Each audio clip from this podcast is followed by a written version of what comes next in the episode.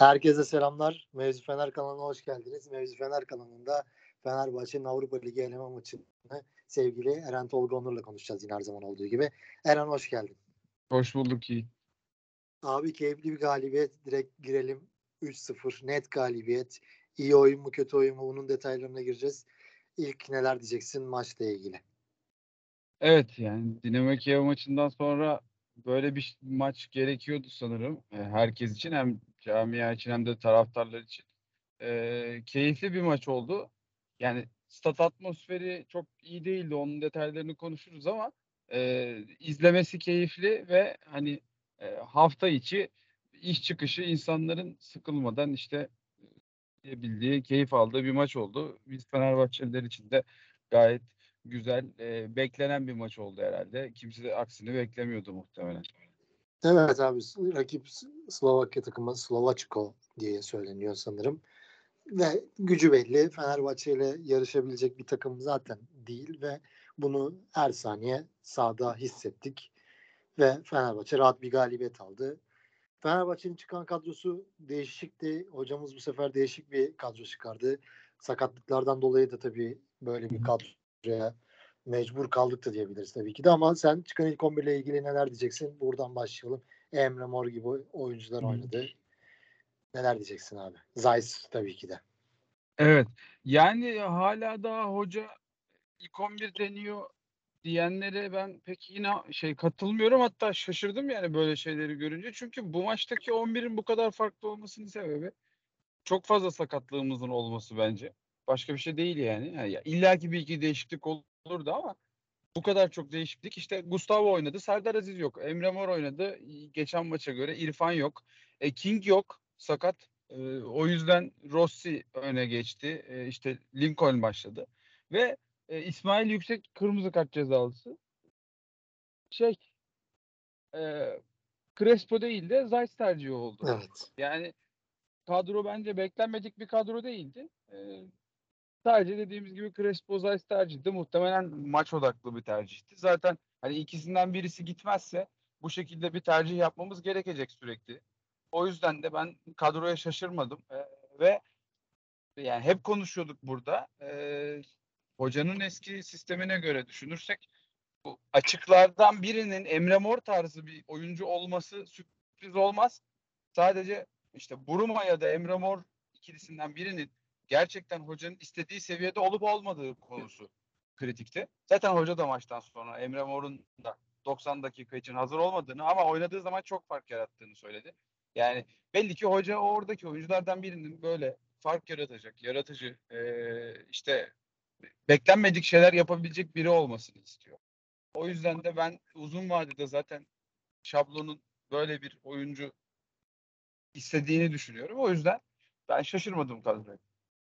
Evet ya dediğin gibi zaten ya sakatlıklardan dolayı bu kadroya kaldık ve Emre Mor konusunu konuşmak tabii ki de oyunculara geçtiğimiz zaman konuşuruz da tabii ki de Fenerbahçe'nin kadrosu oldukça geniş olduğu için herkese şans gelecek, herkese fırsat gelecek ve bu fırsatı da atıyorum Emre Mor belki sürekli ilk 11'de oynamayacak ama ilk 11'e girdiği zaman bu performansı sergilerse tabii ki de Fenerbahçe için çok yararlı olur. Evet evet kesinlikle. Peki abi oyuncuları değerlendirelim. Maçın ilk yarısını veya ikinci yarısını ziyade direkt oyunculara geçelim. Kimler ön plana çıktı? Hangi oyuncuları beğendin? Buradan devam edelim. Tamam. Bence de zaten çok maç detayı konuşulacak hani bir maç değildi. Dediğin gibi genel olarak e, üstünlüğümüzün sürekli hissedildiği bir maçtı ama e, yani Link, mesela Lincoln'u ya, ya da defanstan başlayalım yine her zaman yaptığımız gibi. Kaleciye zaten çok iş düşmedi. E, çok konuşmaya gerek yok sanırım. Savunma hattında e, Gustavo'yu konuşmak gerekir. Yeni transfer olduğu için söylüyorum. Yani bilmiyorum sen de stat'taydın ne düşünüyorsun ama benim hayatımda çıplak gözle izlediğim en yavaş defans oyuncularından biri olabilir abi. Bana evet. inanılmaz yavaş geldi hamleleri. Şimdi şöyle e, özellikle biraz daha geride bekledi Gustavo. Onu da fark ettim. Hani e, o hız dezavantajı düşünülerek daha geride konumlandırılmış Salah'ı biraz daha önde ama e, çok aşırı yavaş ve onun kendini geri atması biraz takım boyunu bence Kiev maçına oranla daha fazla açtı gibi hissettim. Bu benim fikrim bilmiyorum. Ee, hoca belki böyle istemiştir ama takım biraz daha uzun geldi bana. O yüzden o olay benim çok hoşuma gitmedi. Bir de e, yani bizim oyun tarzımız için uygun değil bu arada. Yavaş oyuncuyla da oynayabilirsin. Her takım çok çok çok hızlı oyuncularla oynamıyor. Zaten benim hep söylediğim gibi çok çok hızlı bir stoper beklentim de yoktu. Ortalama bir hızda olsa da yeterdi. Gustavo çok yavaş. Yavaş da değil, çok yavaş. E böyleyken de şimdi neyi beklersin abi? En azından hani hamlesi sert olsun. Döndürmesin karşısındaki adamı diye bekliyorsun. E, benim gördüğüm kadarıyla hamlesi de çok sert değil, çok etkili değil ilk hamleleri. Yani bilmiyorum. İlk tek maçta ben oyuncu asmayı çok uygun görmüyorum ama hani ilk maç itibariyle eleştirilen şeylerin çoğu doğruymuş gibi gözüküyor çünkü mesela biz Arao'yu da burada herkes gömerken ilk maçtan sonra ne kadar etkilendiğimizi söylemiştik. Ama ben Gustavo için aynı şeyi söyleyemeyeceğim. E, tabii biraz süreç boyunca bakarız ama e, pek anlayamadım yani. Hani Jesus illaki bir şey düşünmüştür. İşte Arao'da olduğu gibi bir ters köşe yapar bizi diye e, böyle derinden derinden düşünüyordum ama ben orada çok bir şey göremedim yani. Defansın diğer oyuncularıyla ilgili çok fazla ekstra bir şey söylemeye gerek yok sanırım. Salah'ı çok iyi bir maç çıkardı bence. Ee, ya orta sahada demin bahsettiğimiz Arao konusu bence gün geçtikçe e, daha da oturacak ve daha da bizim e, keyif aldığımız bir oyuncu olacak gibi gözüküyor. Yine çok iyi oynadı. E, topla çok net çıkıyor, çok doğru çıkıyor. Bunun yanında geçen maç bahsetmiştik. Arao'nun hep böyle Emre Özcan söylüyordu ya o uzun ve isabetli pasları. Hani isabetli paslarını gördük ama çok uzun olanlarını görmemiştik. Bu maç ben sana da yazdım hatta maçta. 56. dakika mıydı öyle bir şey. Evet. Ee, sola Valencia'ya bir tek pas attı. Yani inanılmaz bir pastı abi bence. Çok basit gözüktü ama işte tek pasta hücuma çıktın ve Valencia topu çekip vurabildi yani rahat bir şekilde. Ee, bizim gibi takımlar için bence muhteşem bir şey bu. Ee, yani bunları da yapacaksa çok çok çok kritik, çok çok önemli bir transfer olacak. Ee, yani neden bu kadar gömüldüğünü anlamadım. Muhtemelen işte sistemle alakalı bir şeydi hep söylüyoruz ve Jesus'un sistemine de bu kadar uyduğunu, neden bu kadar çok istediğini anlamış olduk. Ben orta sahadan özellikle Arao'dan bu şekilde bahsetmek istiyorum. Hızlıca diğerlerinden bahsedelim. Ya Crespo e, oynayınca hücum olarak neler kattığını tekrar gördük. Toplu oyundan ziyade topsuz oyunda da birkaç yaptığı koşu var ki e, atağın devamlılığının sağlanmasını sağladı. O yüzden bence orada işte Crespo'nun oynaması böyle fark Crespo yerine Zayt'ın oynaması böyle fark yaratıyor.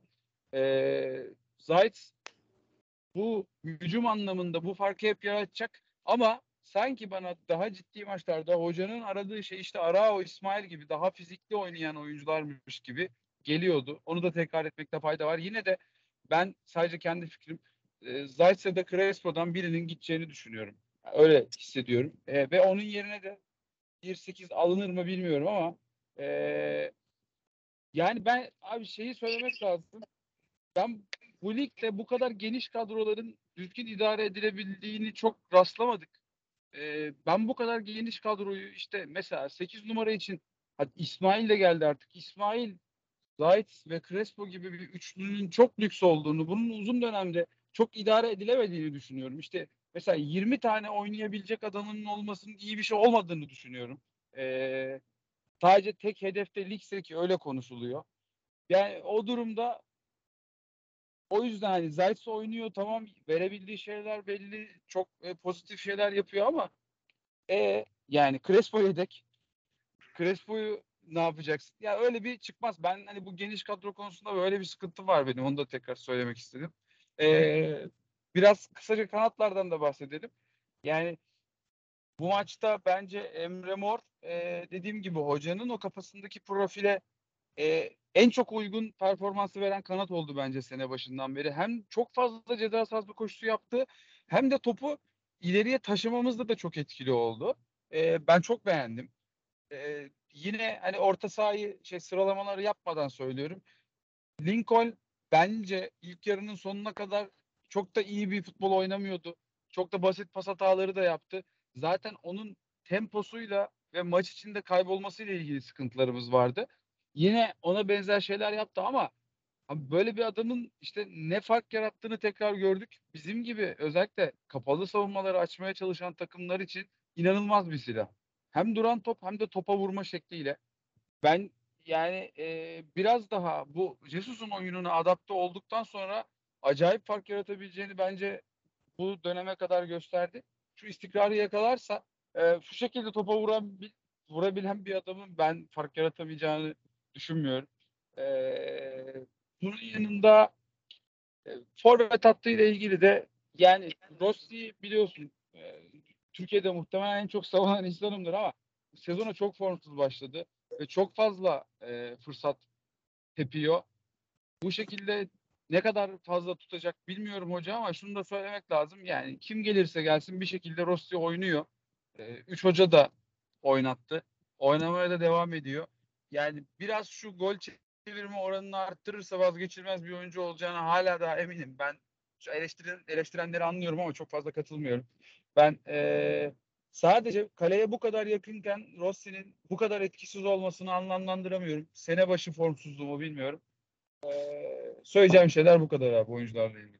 Abi ben kısaca şunu diyeyim. Ya kaleciden zaten bahsetmeye gerek yok. Herhangi bir pozisyon bulunmadık. Ya Gustavo Henrique tabii ki de dediğin doğru. Sanki böyle yavaş gibi böyle pas atıyor. Yavaş hareket ediyor. Böyle toplu topsuz.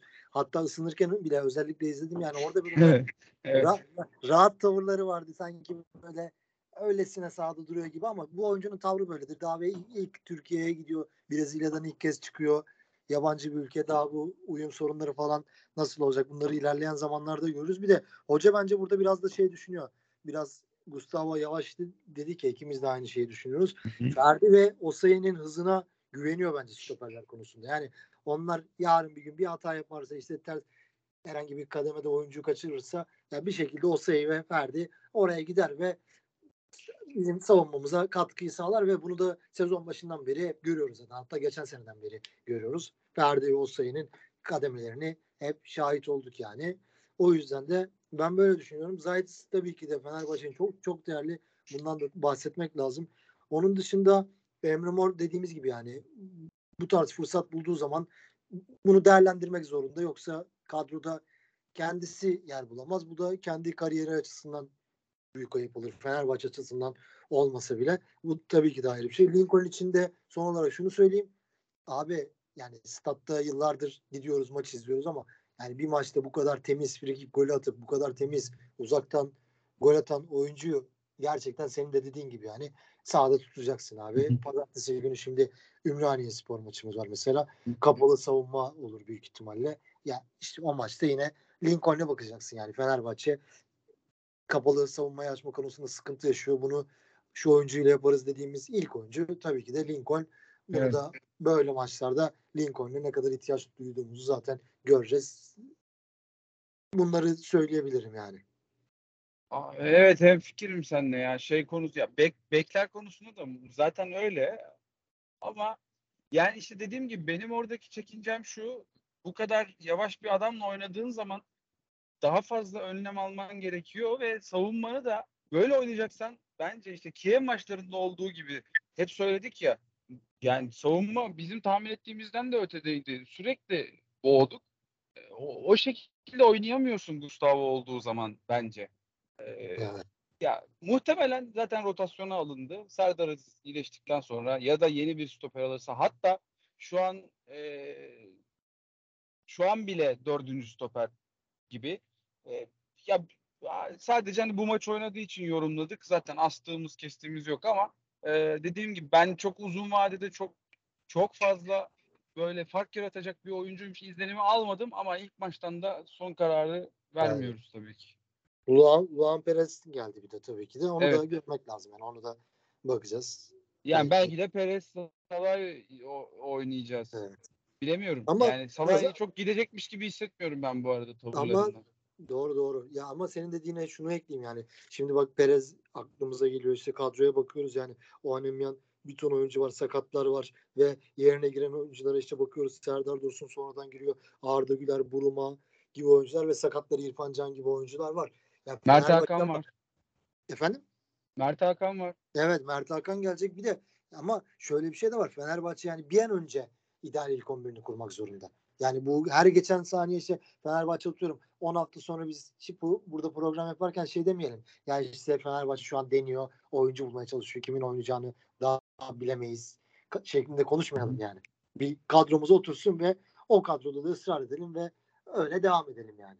İşte Yiğit böyle bir ben, ben de aynı şeyi düşünüyorum bu arada. Ee, zaten Pereira'yı da en çok eleştirdiğimiz konu buydu. Yani rotasyon evet belli bir noktadan sonra mecbur hale geliyor ama e, kemik kadroyu ucundan bile oluşturamamıştık biz. Yani senenin ortası geldiğinde hala daha çok farklı şeyler deniyorduk. Ben şuna katılıyorum. Sene başındaki e, kadro hiçbir zaman sene sonunda zaten tamamen korunmuyor abi. O bir şekilde şey oluyor yani e, e, evrim geçiriyor ve hakikaten son halini alıyor. Form durumuyla da alakalı. Ama yani işte diyorum ya hep bak Mert Hakan işte çok basit bir şekilde geçen senenin son 10 maçını nasıl oynadı hepimiz gördük. İşte Zayt ya da Crespo önemli değil. İkisinden biri mutlaka yedek kalacak. İşte elinde İsmail var. Acayip formda girdi. Bu, bu çocuğu yedek bırakacaksın. Onları oynatacaksan. Ya da işte hem Emre Mor'un var hem Burman var ve bunları da yeni aldın. E, Lincoln oynayacak, İrfan oynamayacak. Yani hatta ve hatta şu an çok omurdanmalar olsa da muhtemelen Rossi yedek kalacak.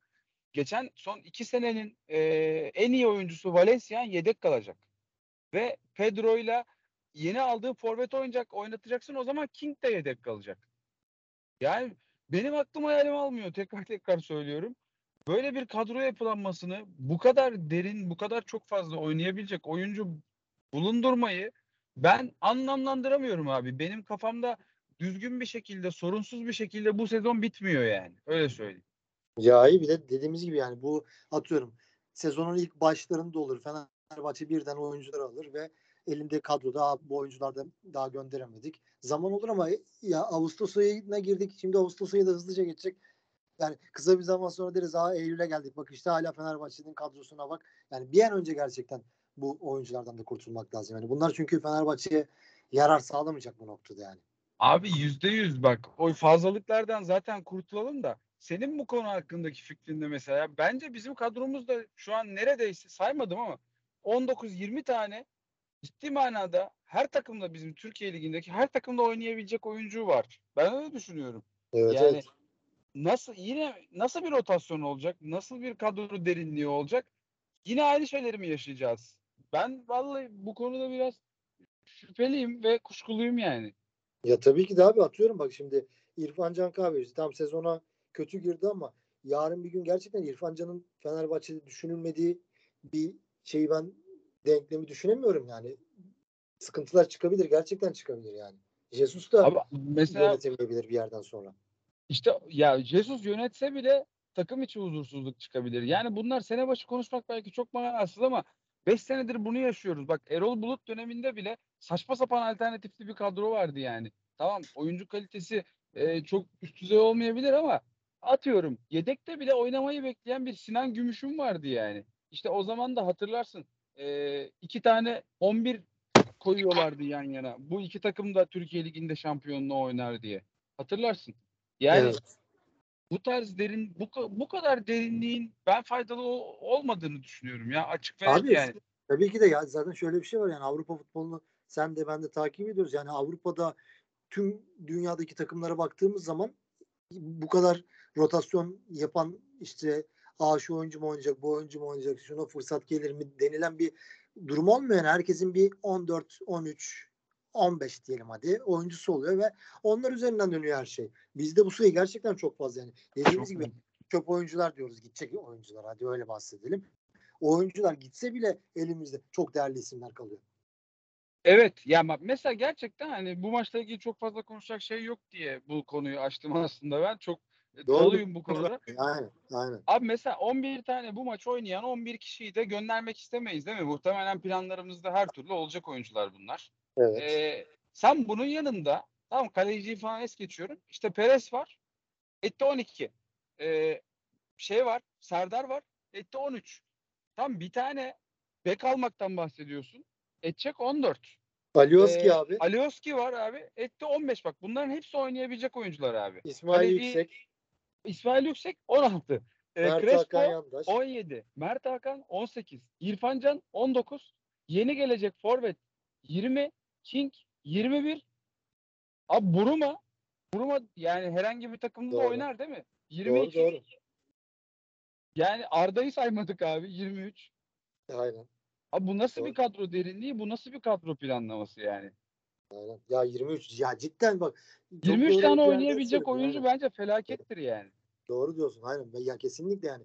Ya burada sezon başı program yaparken diyorduk işte Fenerbahçe bir plan dahilinde mi gidiyor işte kadro pl- planlamasını nasıl buluyorsun? Programlarda da sen de Cüneyt abiye sordum. Ben de işte yaptığım programlarda Alp abiyle falan konuştuk. Yani Fenerbahçe taraftarları da bence tam olarak anlamıyor.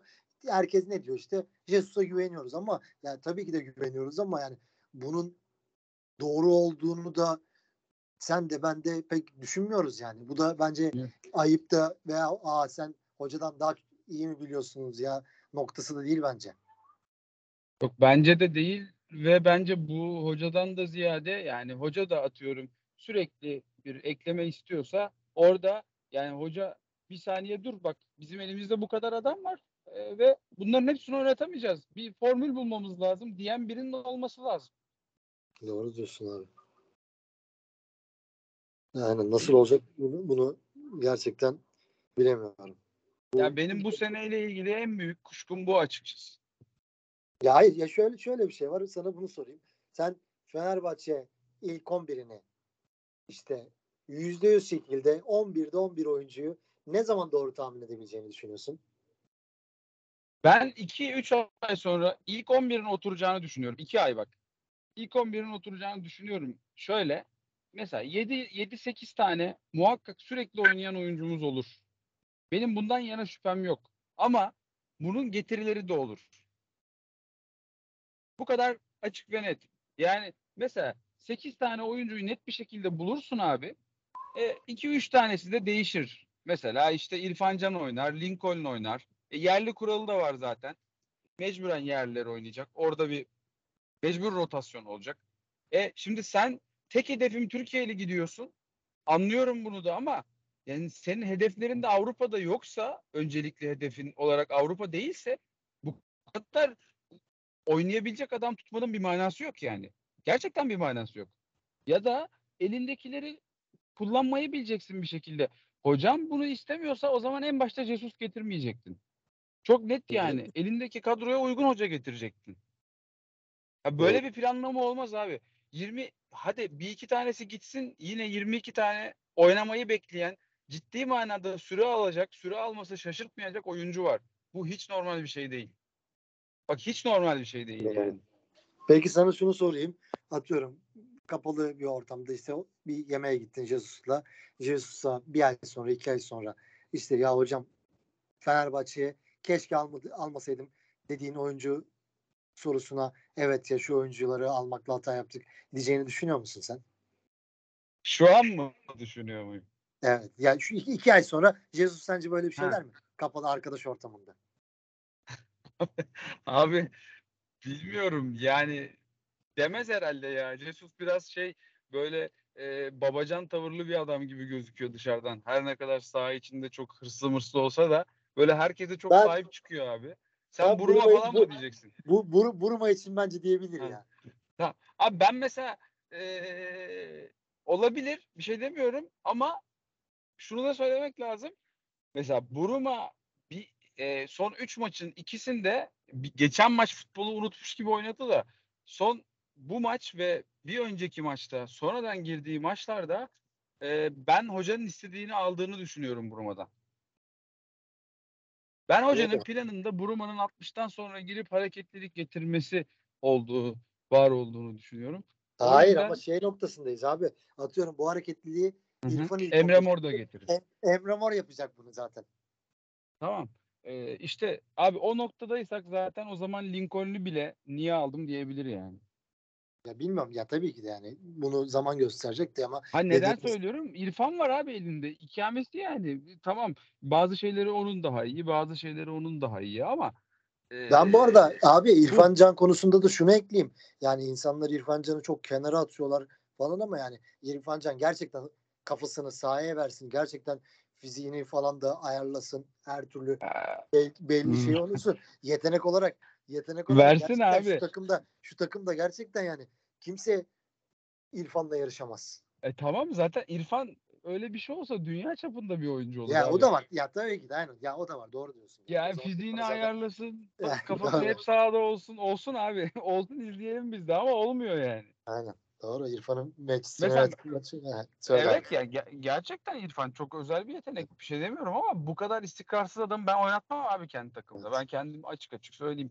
O yüzden tutmuyorum zaten İrfan'ı. Ya da ben mesela Mert Hakan'ı çok beğeniyorum. Ben çok e, değerinin altında bir oyuncu olduğunu düşünüyorum ama hep sakat abi kritik anlarda. Evet. Yani e, bir, bir ithamda bulunmak için söylemiyorum. Yani işte Yok ama ben abi ama doğru doğru ama hayır ben İrfan'ın da akıllı topçu olduğunu düşünüyorum ve o da kendine bakmazsa işte bu tarz sakatlıkları sürekli yaşarsa Fenerbahçe kariyerinin sonuna geldiğini farkında bence. Ona Abi göre- göreceğiz. Ben Aynen. eee, böyle bir Lincoln performansı olursa İrfan'ın çok fazla beklenen forma eee, sürelerini bulabileceğini düşünmüyorum. Ya tabii ki de ya o zaman zaten hiçbir taraftardı zaten. Fenerbahçe galibiyet aldıktan sonra hiç kimse zaten aa şunu Ama- bu oynamıyor demez zaten. Yiğit de. kimse söylemez de İrfan söyleyecek. Mert Hakan söyleyecek. Tabii ki de. Yani ki. kimseye söylemese bile kendi içinde söyleyecek. Yani bu yönetmesi dediğim gibi e, hele tek kulvar odaklıysan yönetmesi çok kolay bir durum değil bence. Bir- Ya bunun getirileri olacak inşallah konuşmayız öyle söyleyeyim. Abi şey düşün yani menajerlik oyunlarında yönetemiyoruz bazen. Bir oyuncu Evet. mutsuz oluyor. Açıklama yapıyoruz onunla ilgili. Sonra herhangi bir şey diyoruz. Sonra diğer 3-5 kişi daha diyor işte şu oyuncu hakkında ne biçim konuştun hocam ya yakışmadı size. Sonra takımın bütün morali bozuyor. Bunu gerçekte yönetmek gerçekten çok zordur. Yani hocaların işi Aynen. aşırı zor yani. Peki abi bu maç özelinde tabii ki de tribünlerden ayrıca bahsetmek lazım. 55. dakika sen de stat'taydın ben de stat'taydım. Yakından tabii ki de izleme şansımız oldu. 55. dakika Arda tezahüratları, daha sonra bir tribünün tezahüratına diğer tribünün katılmaması, karşılıklı tezahüratlara katılmaması, herkesin farklı telden takılması ve Fenerbahçe tribünleri ya gerçekten ne yaptığını ben anlayamadım ve bu haline de üzüldüm açıkçası. Nasıl böyle olduk ve bu nasıl düzelir bunu da bilmiyorum. Sen ne diyeceksin abi tribünlerle ilgili? Korkunç. Yani Tribünler çok kötü. Ee, yani söyleyecek bir şey yok. Acı çekiyorum gerçekten abi izlerken. Ee, yani biz belki yaş itibariyle çok çok efsane diye adlandırılan zamanlarını görmedik ama çok iyi zamanlarını gördük. Yani benim ilk tribüne gitmeye başladığım dönemler gerçekten harika bir tribünümüz vardı. Ee, çok acı verici. Yani Arda tezahüratları, bilinçsiz işler. Geçen maçta konuşmuştuk. Yani statta acayip profiller var. Hani her şeyi geçtim. Her şeyin ötesinde sen de yazmışsın. Çok doğru. Şu arabesk kültürü, arabesk e, marşlar gerçekten hem insanları bayıyor hem de e, takımın bütün enerjisini sönümlüyor. Yani acayip bir şey. Abi çok saçma bir eski marş bile bütün takımı havaya sokarken bu ısrar nedir? Kim bu kadar bunları moda yaptı? Neden böyle oluyor? Ben inan anlamakta güçlük çekiyorum. Ee, senin bir de hani tribünlerin kısım kısım bağırmasıyla ilgili bir tespitim var. Ben ona çok dikkat etmemiştim. Eğer o da öyleyse o da daha büyük bir problem zaten. Ee, ben bu tribünlerin kolay kolay istediğimiz noktaya yakınına dahi ulaşabileceğini zannetmiyorum. Evet. Ya abi özellikle ben tribünleri tabii ki de çok iyi olmasını istediğim için bazı anlarda yani sağdan çok tribünleri takip ettim. Yani o yüzden yani kendi gözlemlerimi söylüyorum. Yazdım hatta bloğa da yazdım veya işte Twitter'da da paylaşıyorum. Yani gerçekten yani ben yıllardır Kadıköy'de maça gidiyorum. Ben okul açık tribünüyle maratonun karşılıklı tezahürat yaparken işte marat okul açığın orta bloğunda olan genç Fenerbahçeliler orada. Yani onların ayrı tezahürat yaptığını hiç görmemiştim yani. Bu maçı öyle gördüm yani. Unifep'le Maratonuz karşılıklı tezahürat yaptı. Genç Fenerbahçeliler orada başka şekilde tezahürat yapmaya devam etti. Veya işte maraton üstte Feneryum karşılığı tezahürat yaptı. Okul açık yine farklı tezahürata devam etti. Yani insanların birbirine saygısı da yok. Önceden yani atıyorum Migros bir tezahürata başlardı diyelim. Bütün statla bir hava yakalardı işte atıyorum Fenerbahçe'm benim biricik sevgilim. Okul açık orada bir susar daha tamam ya tribünü onlar yönetsin. Biz bir dinlenelim hem de bu arada bari. Evet. Yani o saygı da kalmamış yani insanlarda. Onu da geçtim. Bir yarış var abi. Zaten öyle olmasa 72. dakika bunları özellikle not aldım zaten. Yani dakikaları unutmayayım diye. Sarı lacivert şampiyon Fener tezahüratı başlattı Migros yani. Evet. İşte tribünü de biz yönetiyoruz. Bakın abi biz de istediğimiz yapabiliriz. Bak bizim tezahüratımız da bu tribünlerde söylenecek. Hadi herkes işine baksın. Yani bunun yapılmasının tek sebebi o yani. Skor 2-0 72. dakika hiç eleme maçı yani. Takım 5'e gidecek belki sen iyi tribün yapsan orada. Böyle iç, içsen coşku olsa ve herkes daha büyük keyif alacak orada bir tezahürata başlıyorsun. Yani hiç stadı da maçı da takip etmiyorsun. Sonra o bitti. Güç İşte gösterisi yine- evet. Kel arkasında. Yani okul açıkta anlasana tezahüratı başladı. Yani abi düşünüyorum yani Fenerbahçe'nin söylenmeyen o kadar çok güzel tezahüratları var ki. Yani bunlara da üzülüyorum yani. Hatta bu mevzu Fener hesabından bir o tarz bir tweet atıp işte söylenmesini istediğiniz veya özlediğiniz tezahüratlar var mı diye insanlar alıntılar belki şeklinde bir tweet atacaktım. Sonra vazgeçtim dersi de. Yani o kadar çok güzel tezahüratımız var ki atıyorum. En basit mesela tribünlerde hep dillerde yani. Dar ağacında olsak bile son sözümüz Fenerbahçe. Ya hı hı. o söylensin statta çok daha farklı bir atmosfer oluşur. En basitinden bak. Abi yani Pınarbaşısı bilmem nesi bile hani çok basit Şey tezahüratlardan Sen bahsediyoruz. bak sen az önce dedin yani eskiden gittiğim zaman hatırlıyorsundur sen de. Ben Migros'a gidiyordum ilk ilk sırada gittiğim zaman yani çok Hı hı. eskiden beri maçlara gitmiyorum tabii. İlk gittiğim zaman Migros'a gidiyordum. O maraton üst E bloktan bir milyonlarca taraftarın yani, tezahüratı başlatırdı abi Kill for You.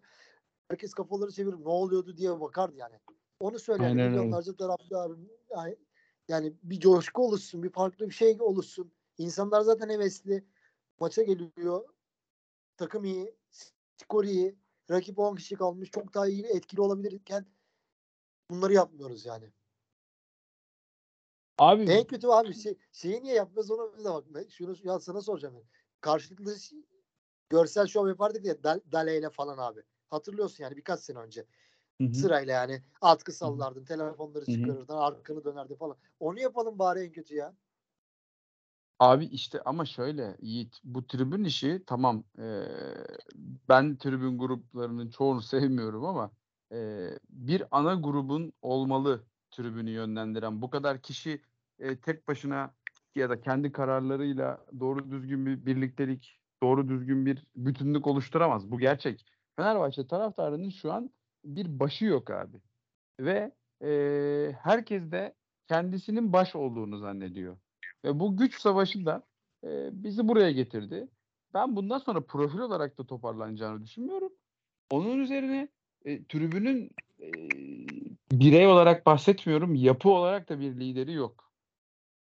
O yüzden e, bu şekilde yani ne o sen istediğin kadar tezahürat özle, istediğin kadar bu tezahüratın etkili olduğunu düşün. Oradaki çoğunluğu fazla olan grup kimse o ne söylüyorsa o olacak. Onun ne düşündüğü önemli yani. Evet. Ya şey olayı yok bizde tabii ki de. Bu yıllardır yok zaten de. Atıyorum Galatasaraylı taraftar Ultra Aslan, biz Ultra Aslanız diyor. Mesela Ultra Aslan kimliğini savunuyor. Beşiktaş taraftarı biz çarşıyız diyor. Hepsi. En müferit taraftar bile Fenerbahçe'de öyle bir Hı hı. grup oluşmadı yani. Atıyorum münferit bir Fenerbahçeli işte bir aa işte biz genç Fenerbahçelileriz ya işte. Bunu övünerek anlatmaz yani. Bizde o hiç oluşmadı maalesef. Yani aslında en azından mesela tamam dediğin gibi bu kadar büyük bir e, pasta dilimi olarak olmayabilir ama e, bir dönem işte Kill for You hatta Vamos e, çok şey kalabalık bir grup değildi ama e, sağlam tribüncülerdi yani. Bu Evet. tarz bu tarz e, 3-4 tane çok güzel grup vardı ve hepsi de e, deklare ettiği şekilde birlikte hareket ediyordu abi. E, Bence o şeyin tribünün dağılma noktası da Aziz Yıldırım'ın işte genç Fenerbahçelilerle yaşadığı sorunlarla birlikte oldu diye düşünüyorum. E, Aynen. onun onun akabinde oluşan yeni grup gruplar derken bütün tribün bölündü abi. Ya bundan Evet. sonra da toplanması bence çok zor. Zor zor ya bunu tabii ki de rahatlıkla söyleyebilirim ben. Bu arada ya şunu da söyleyeyim tabii ki de yıllardır gözlemliyorum bunu da yakından şahit olduğum için. Fenerbahçe'nin bu tarz yazın oynanan maçlarında işte bu tarz sıkıntılar daha çok oluyor. Çünkü kombinesi olan insanlar maalesef biletlerini satıyor. Kara borsada yapanlar var ve daha çok gurbetçiler işte şehir dışından gelen taraftarlar çok gidiyor. Atıyorum iki ay sonra böyle kışa doğru artık bu taraftarlar kendi memleketlerine, kendi ülkelerine gidecek ve kemik bir taraftar kitlesi kalacak her maça gelecek ve o zaman tribünler daha düzeliyor yani atmosfer. Muhakkak düzelir. Yani şu şu, andan çok daha iyi olur kesinlikle ama e, senin o bahsettiğin Fenerbahçe'yi itecek bir taraftar gücü ya bilmiyorum. Evet. Yani en azından bizim hayal ettiğimiz gibi hiçbir zaman olacağını düşünmüyorum ben. Evet. Ya zaten şu şeyi de konuşalım yani abi Fenerbahçe taraftarı da tam tezahürat falan diyoruz da yani abi Arda tezahüratı gerçekten yapmayın abi artık rica ediyoruz yani Fenerbahçeli taraftarlardan. Hiç hiçbir yarar yok yani. Arda'ya da zarar, hocaya saygısızlık. Ya hiçbir yarar yok ya yapmanın. Abi yani Hull Yani City maçında ben- bile yaptılar biliyorsun.